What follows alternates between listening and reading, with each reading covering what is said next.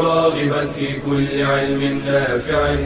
ينمو العلم ويتقدم بتقنياته ومجالاته ومعه نطور أدواتنا في تقديم العلم الشرعي. أكاديمية زاد. زاد أكاديمية ينبوعها. صاف صاف ليروي غلة الظمآن. هذا كتاب الله روح قلوبنا. خير الدروس تعلم القرآن. بشرى لنا زاد أكاديمية للعلم كالأزهار في البستان. الحمد لله رب العالمين. الرحمن الرحيم. الهادي إلى الصراط المستقيم. وصلى الله وسلم على خير البرية ومنجي البشرية خليل الرحمن وصفيه محمد صلى الله عليه وعلى آله وأصحابه وأزواجه وأتباعه إلى يوم الدين. مرحبا بكم أعزائي المشاهدين والمشاهدات مرحبا بكم طلاب أكاديمية زاد المستوى الرابع في الحلقة التاسعة عشرة من دروس التفسير في هذه القناة المباركة.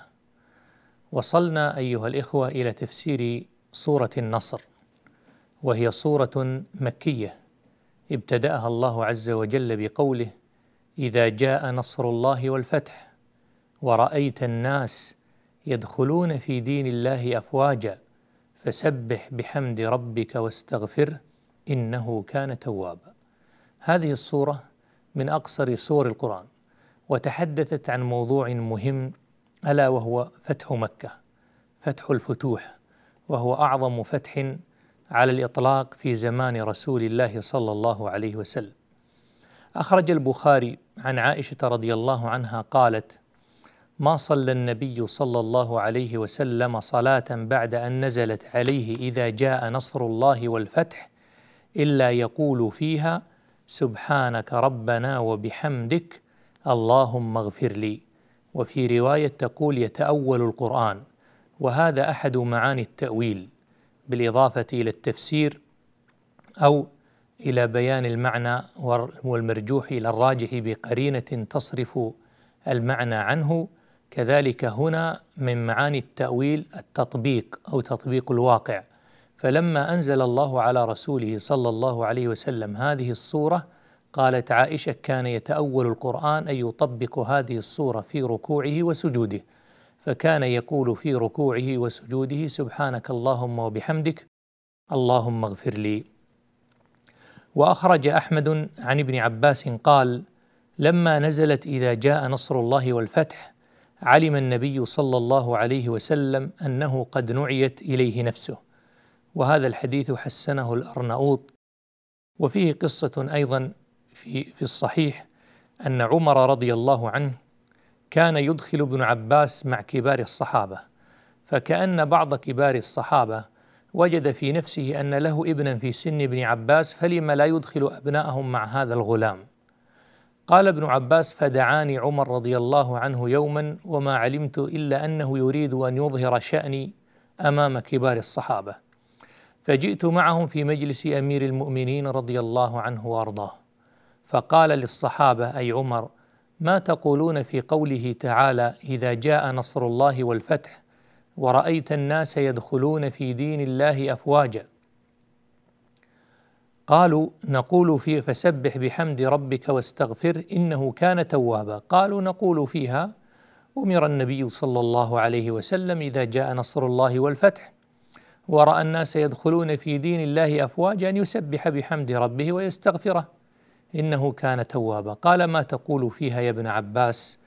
قال أقول فيها نفس رسول الله صلى الله عليه وسلم نعيت إليه إيه إشارة بقرب وفاة رسول الله صلى الله عليه وسلم حين جاء النصر والفتح وجعل الناس يدخلون في دين الله أفواجا فكأنها انتهت مهمتك أو رسالتك يا محمد فاشتغل بتسبيح ربك واستغفاره إنه كان توابا حتى يأتيك الموت.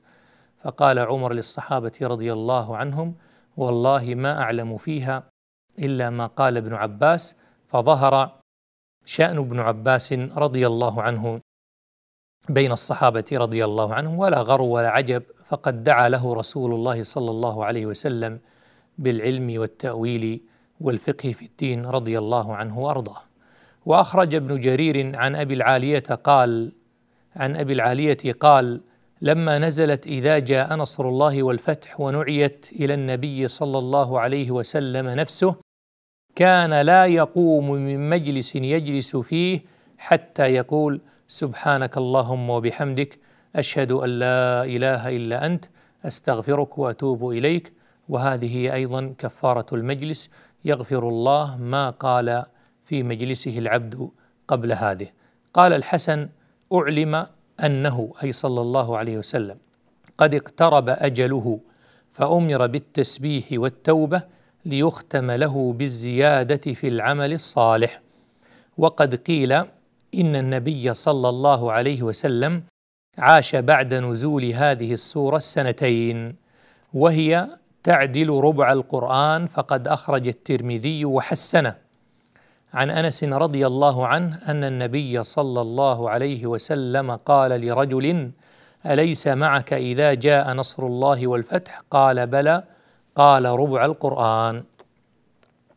أما بيان معاني هذه السورة وتفسيرها فإن الله عز وجل حين قال إذا جاء نصر الله والفتح أي إذا جاءك نصر الله يا محمد على قومك من قريش والفتح يعني فتح مكة بخلاف المعروف عند بعض الناس في صورة إنا فتحنا لك فتحا مبينا. فالمراد هناك على الأرجح هو صلح الحديبية وسمي بالفتح المبين. أما المراد بالفتح هنا في سوره النصر فهو فتح مكة. فقال والفتح يعني فتح مكة وكان في رمضان من السنة الثامنة للهجرة.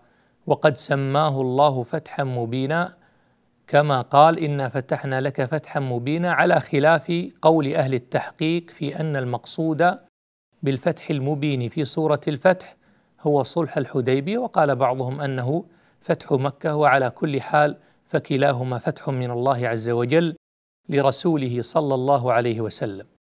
أما الأفواج إذا جاء نصر الله والفتح ورأيت الناس يدخلون في دين الله أفواجا فالأفواج هي الجماعات في تفرقة فقد جاءت في عام الوفود في السنة التاسعة القبائل كثيرة تعرض وتبسط إسلامها بين يدي رسول الله صلى الله عليه وسلم.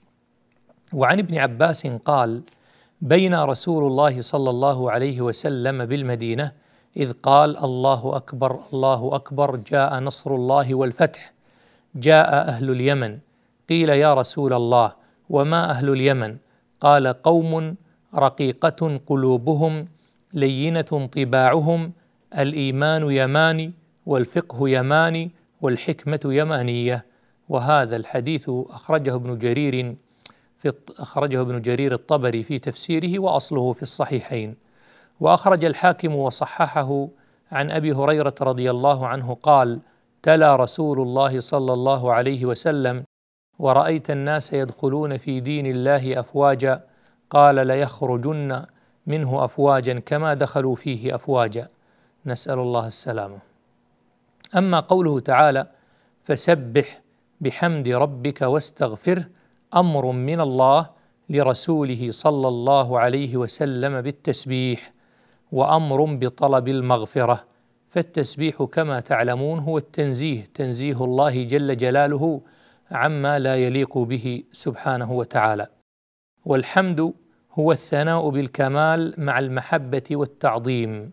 والحمد معناه قريب من المدح وقال بعضهم الحمد هو المدح إلا أن الفرق بينهما أن المدح ثناء ليس على وجه التعظيم أما الحمد فهو ثناء على وجه التعظيم.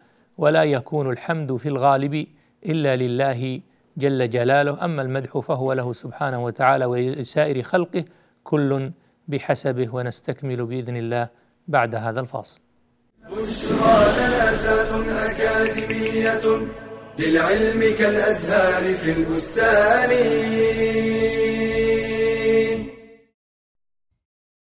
يلجأ الكثير من الباعة والمنتجين إلى وسائل شتى لجذب المشترين والتي منها تلك المسابقات التي تجريها بينهم ليحظى الفائز منهم بجوائز عينية ونقدية.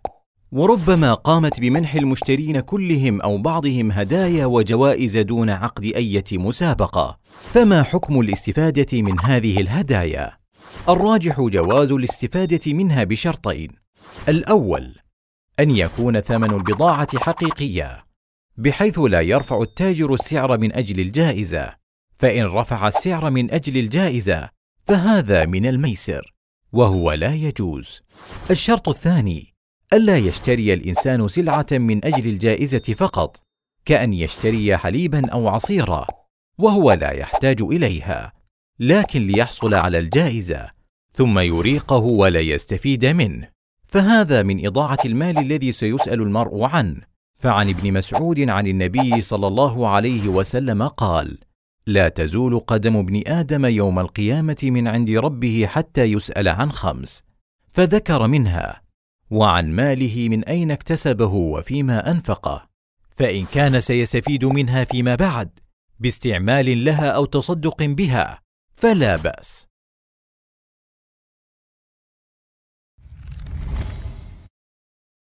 بشرى لنا زاد أكاديمية للعلم كالأزهار في البستان. حياكم الله من جديد. وصلنا وإياكم قبل الفاصل إلى التفريق بين الحمد والمدح. فالحمد هو الثناء الاختياري على جهة التعظيم. أما المدح فهو ثناء اختياري أيضا وقد لا يكون اختياريا ولكنه ليس على جهة التعظيم إنما التعظيم للعظيم جل جلاله. أما الاستغفار فهو طلب المغفرة من الله عز وجل. ثم قال الله جل جلاله إنه كان توابا أي الله سبحانه وتعالى شديد القبول لتوبة عباده وهذا وعد حسن من الله تعالى بقبول التوبة. من عباده إن استغفروا وأنابوا. فيوفقهم للتوبة ثم يقبلها منهم من واسع رحمته وعظيم فضله وامتنانه. ما للعباد عليه حق واسع كلا ولا سعي لديه ضائع. إن عذبوا فبعدله أو نعموا فبفضله وهو الكريم الواسع جل جلاله. أما فوائد الآيات فهي كثيرة. منها أن الله قدم التسبيح والحمد على الاستغفار. فقال فسبح بحمد ربك واستغفره لأن التسبيح راجع إلى وصف الله تعالى بالتنزه عن النقص فهو متمحض لله تعالى. فالتسبيح خاص بالله جل جلاله. أما الحمد فهو ثناء على الله لإنعامه وهو قيام العبد بما يجب عليه لشكر المنعم. فهو مشترك بين الله تعالى وبين العبد. اذا التسبيح خاص بالله. أما الحمد فهو مشترك بين الله تعالى وبين العبد. بخلاف الاستغفار فهو حظ للعبد وحده لأنه طلب من الله بالمغفرة والتجاوز عن الذنب وفرق بعضهم بين الحمد والشكر فقال إن الشكر يقتضي العمل. أما الحمد فقد يكون بالثناء بالقلب واللسان أما الشكر فهو بالقلب واللسان والعمل. لذلك قال الله اعملوا آل داود شكرا. وقالت عائشة عن رسول الله صلى الله عليه وسلم حين كان يقوم الليل حتى تتفطر قدماه صلى الله عليه وسلم كانت تقول له يا رسول الله ألم يغفر لك ما تقدم من ذنبك وما تأخر؟ فيقول بلى. ولكن أحب أن أكون عبدا شكورا. فالشكر اقتضى أن يقوم النبي صلى الله عليه وسلم من الليل حتى تتفطر قدماه. قال بعض العلماء فكيف نشكر الله على أبصارنا أن نطلقها في الحلال ونقصرها عن الحرام؟ وكيف نشكر الله بأسماعنا أن نسمع الطيب ونترك الخيب؟ وكيف نشكر الله بجوارحنا أن نستعملها فيما أنعم الله به علينا في طاعته وأن نترك معصيته وهكذا. فالشكر يتجاوز الحمد إلى العمل. فجعلها الله تعالى في مراتب ثلاث لله تعالى أي التسبيح ثم المشترك بين العبد وبين الله تعالى أي الحمد ثم ما كان للعبد وهو الاستغفار وذلك أدب قرآني عظيم. ومن الفوائد أن الله جل جلاله أمر بالاستغفار في الآيات إنما هو من الغرور الذي قد يدخل القلب من سكرة النصر وهو مدخل يصعب توقيه في القلب البشري فمن هذا يكون الاستغفار يكون الاستغفار من غرور النصر. وقيل الاستغفار قد يكون مما ساور القلب من ضيق واستبطاء لوعد الله بالنصر كما قال تعالى حتى يقول الرسول والذين آمنوا معه متى نصر الله؟ ألا إن نصر الله قريب. فمن هذا يكون الاستغفار.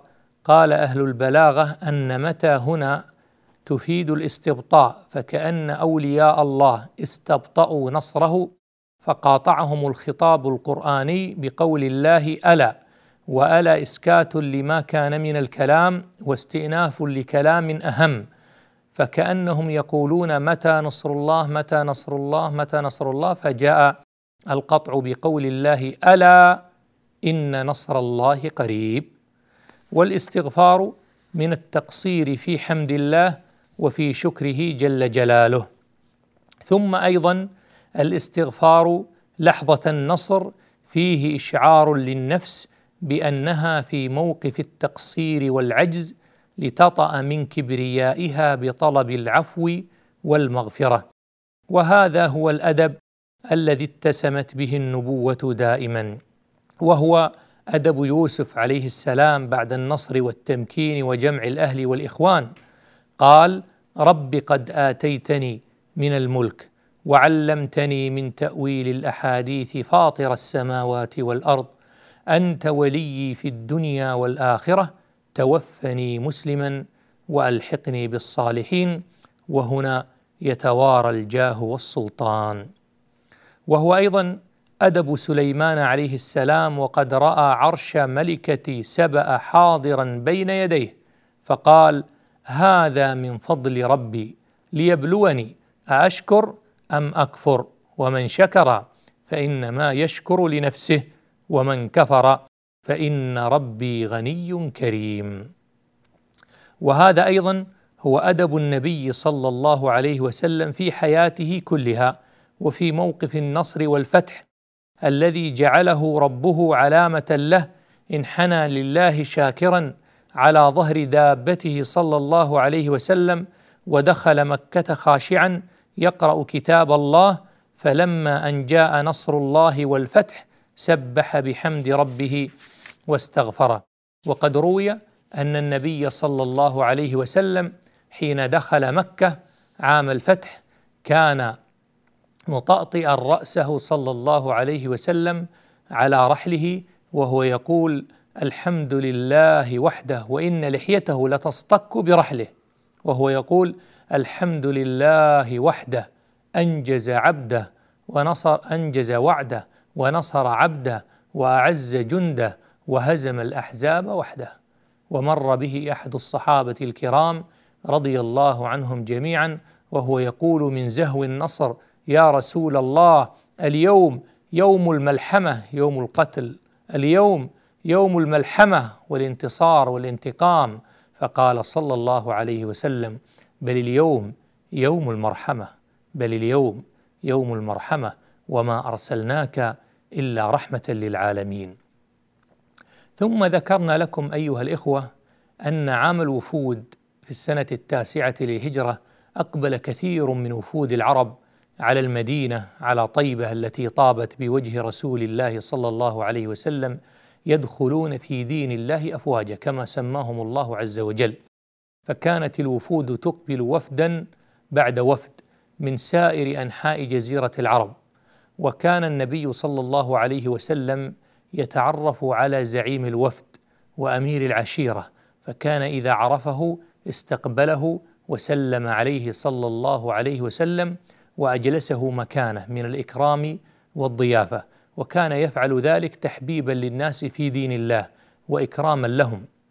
فكان الوفود يتوافدون وفدا إثر وفد حتى تجمعوا في مدينة رسول الله صلى الله عليه وسلم وأقاموا على الإسلام وكان صلى الله عليه وسلم يأتيهم ويسامرهم ويعلمهم أمور الدين وأمور الشريعة والأخوة في الله وأركان الإسلام ومناهج الدين صلى الله عليه وسلم.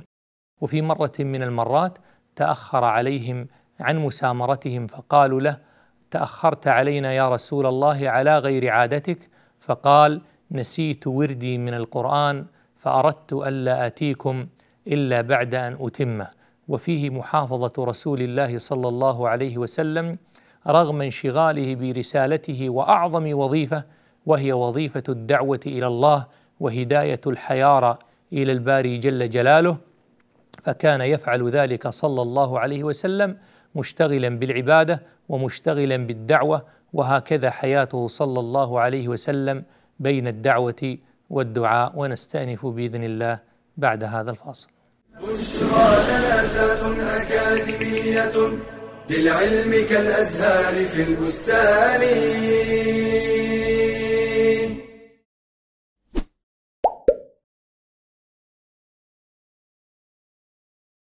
هل أنت حريص على رأس مالك؟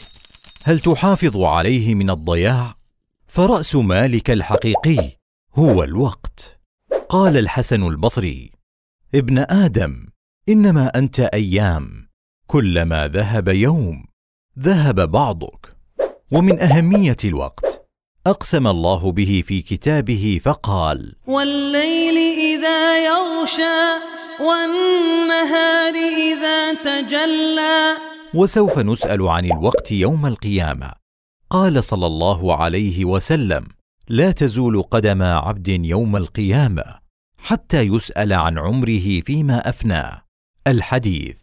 وإذا أراد الله بالعبد خيرا أعانه بالوقت. وإذا أراد به شرا جعل وقته عليه. وفي سيرة السلف أروع الأمثلة على استغلال الوقت. فقد كان داود الطائي يستف الفتيت ويقول بين سف الفتيت وأكل الخبز قراءة خمسين آية. وقال ابن القيم أعرف من أصابه مرض وكان الكتاب عند رأسه فإذا وجد إفاقة قرأ فيه فإذا غلب وضعه. ومن آداب الطالب ألا يسوف في تحصيل فائدة لأن للتأخير آفات ولأنه في الزمن الثاني يحصل غيرها.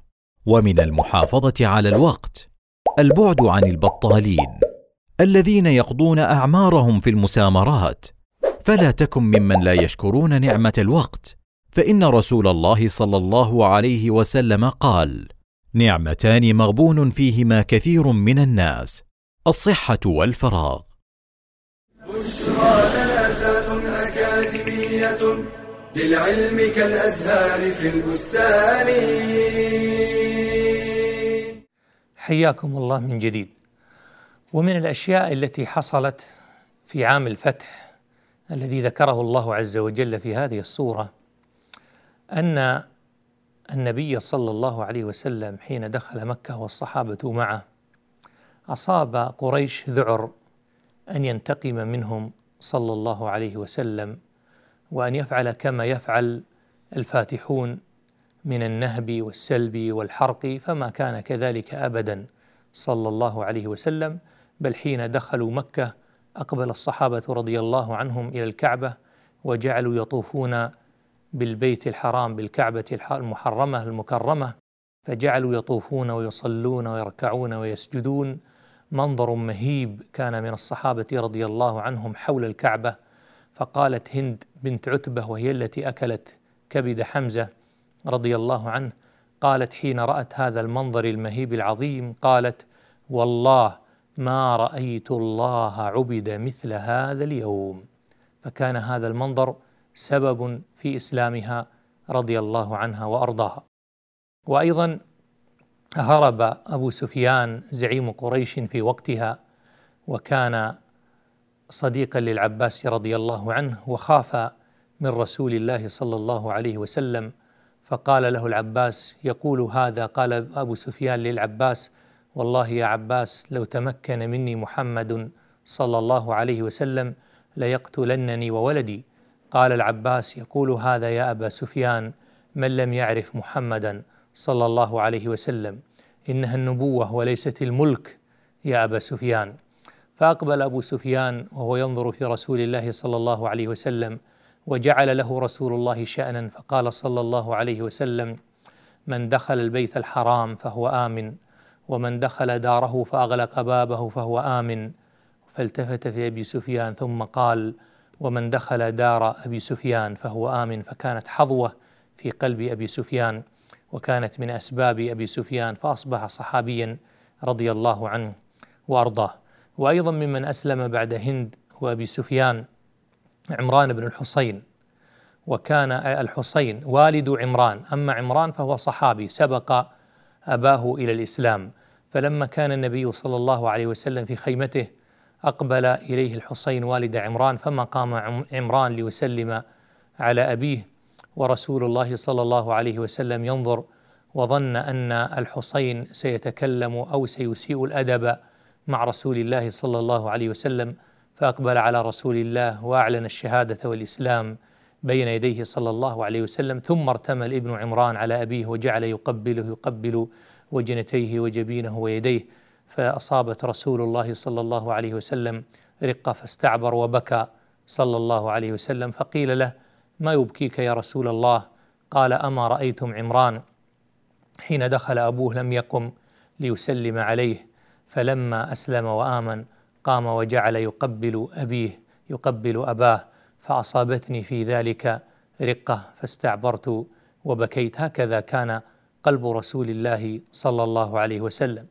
وأيضا ممن أسلم عام الفتح عثمان بن أبي قحافة والد أبي بكر رضي الله عنه فإن أبا بكر دخل مكة وجعل يبحث عن أبيه ووجده طاعنا في السن مختلط شعر رأسه بشعر لحيته أبيض كله كأن رأسه ثغامة والثغام هو الزهر الأبيض وكان أبيه أب وكان أبوه نحيلا نحيفا صغيرا. قد بلغ من الكبر عتيا فحمل أباه إلى رسول الله صلى الله عليه وسلم. فقال رسول الله يا أبا بكر هلا تركت الشيخ؟ وأنا الذي آتيه فالحق له أن آتيه أنا. هكذا معنى قول رسول الله صلى الله عليه وسلم. فلما رأى النبوة وراى هذا الأدب وهذه الرقة قال أشهد أن لا إله إلا الله وأشهد أنك رسول الله. فآمن وفرح أبو بكر فرحا شديدا. إلا أن فرحة أبي بكر كانت ناقصة فقد قال لرسول الله صلى الله عليه وسلم يا رسول الله والله لوددت أن الله قد أفرحك وأقر قلبك بإسلام عمك أبي طالب كما أقر قلبي بإسلام والدي عثمان بن أبي قحافة. فهكذا كان يتألم أبو بكر لتألم رسول الله صلى الله عليه وسلم لأنه أراد أن يفرح الله قلب حبيبه ورسوله صلى الله عليه وسلم. وكانت يا أيها الإخوة يا أيها الأخوات فتح مكة وهذه الصورة من أعظم التوجيهات في أمر الدعوة إلى الله وهي شكر للداعية الأول صلى الله عليه وسلم الذي أمضى 23 سنة من حياته في الصبر على الأذى والمشقة والمجاهدة والألم وفقد القريب والصاحب والحبيب والولد والابنة كل ذلك تضحيات وصبر في سبيل إيصال الدعوة إلى الله لنا.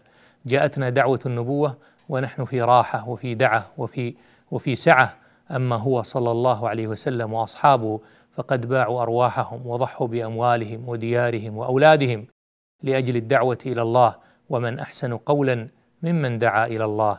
قل هذه سبيلي أدعو إلى الله على بصيرة أنا ومن اتبعني. وقال الله عز وجل كنتم خير أمة أخرجت للناس تأمرون بالمعروف وتنهون عن المنكر وتؤمنون بالله.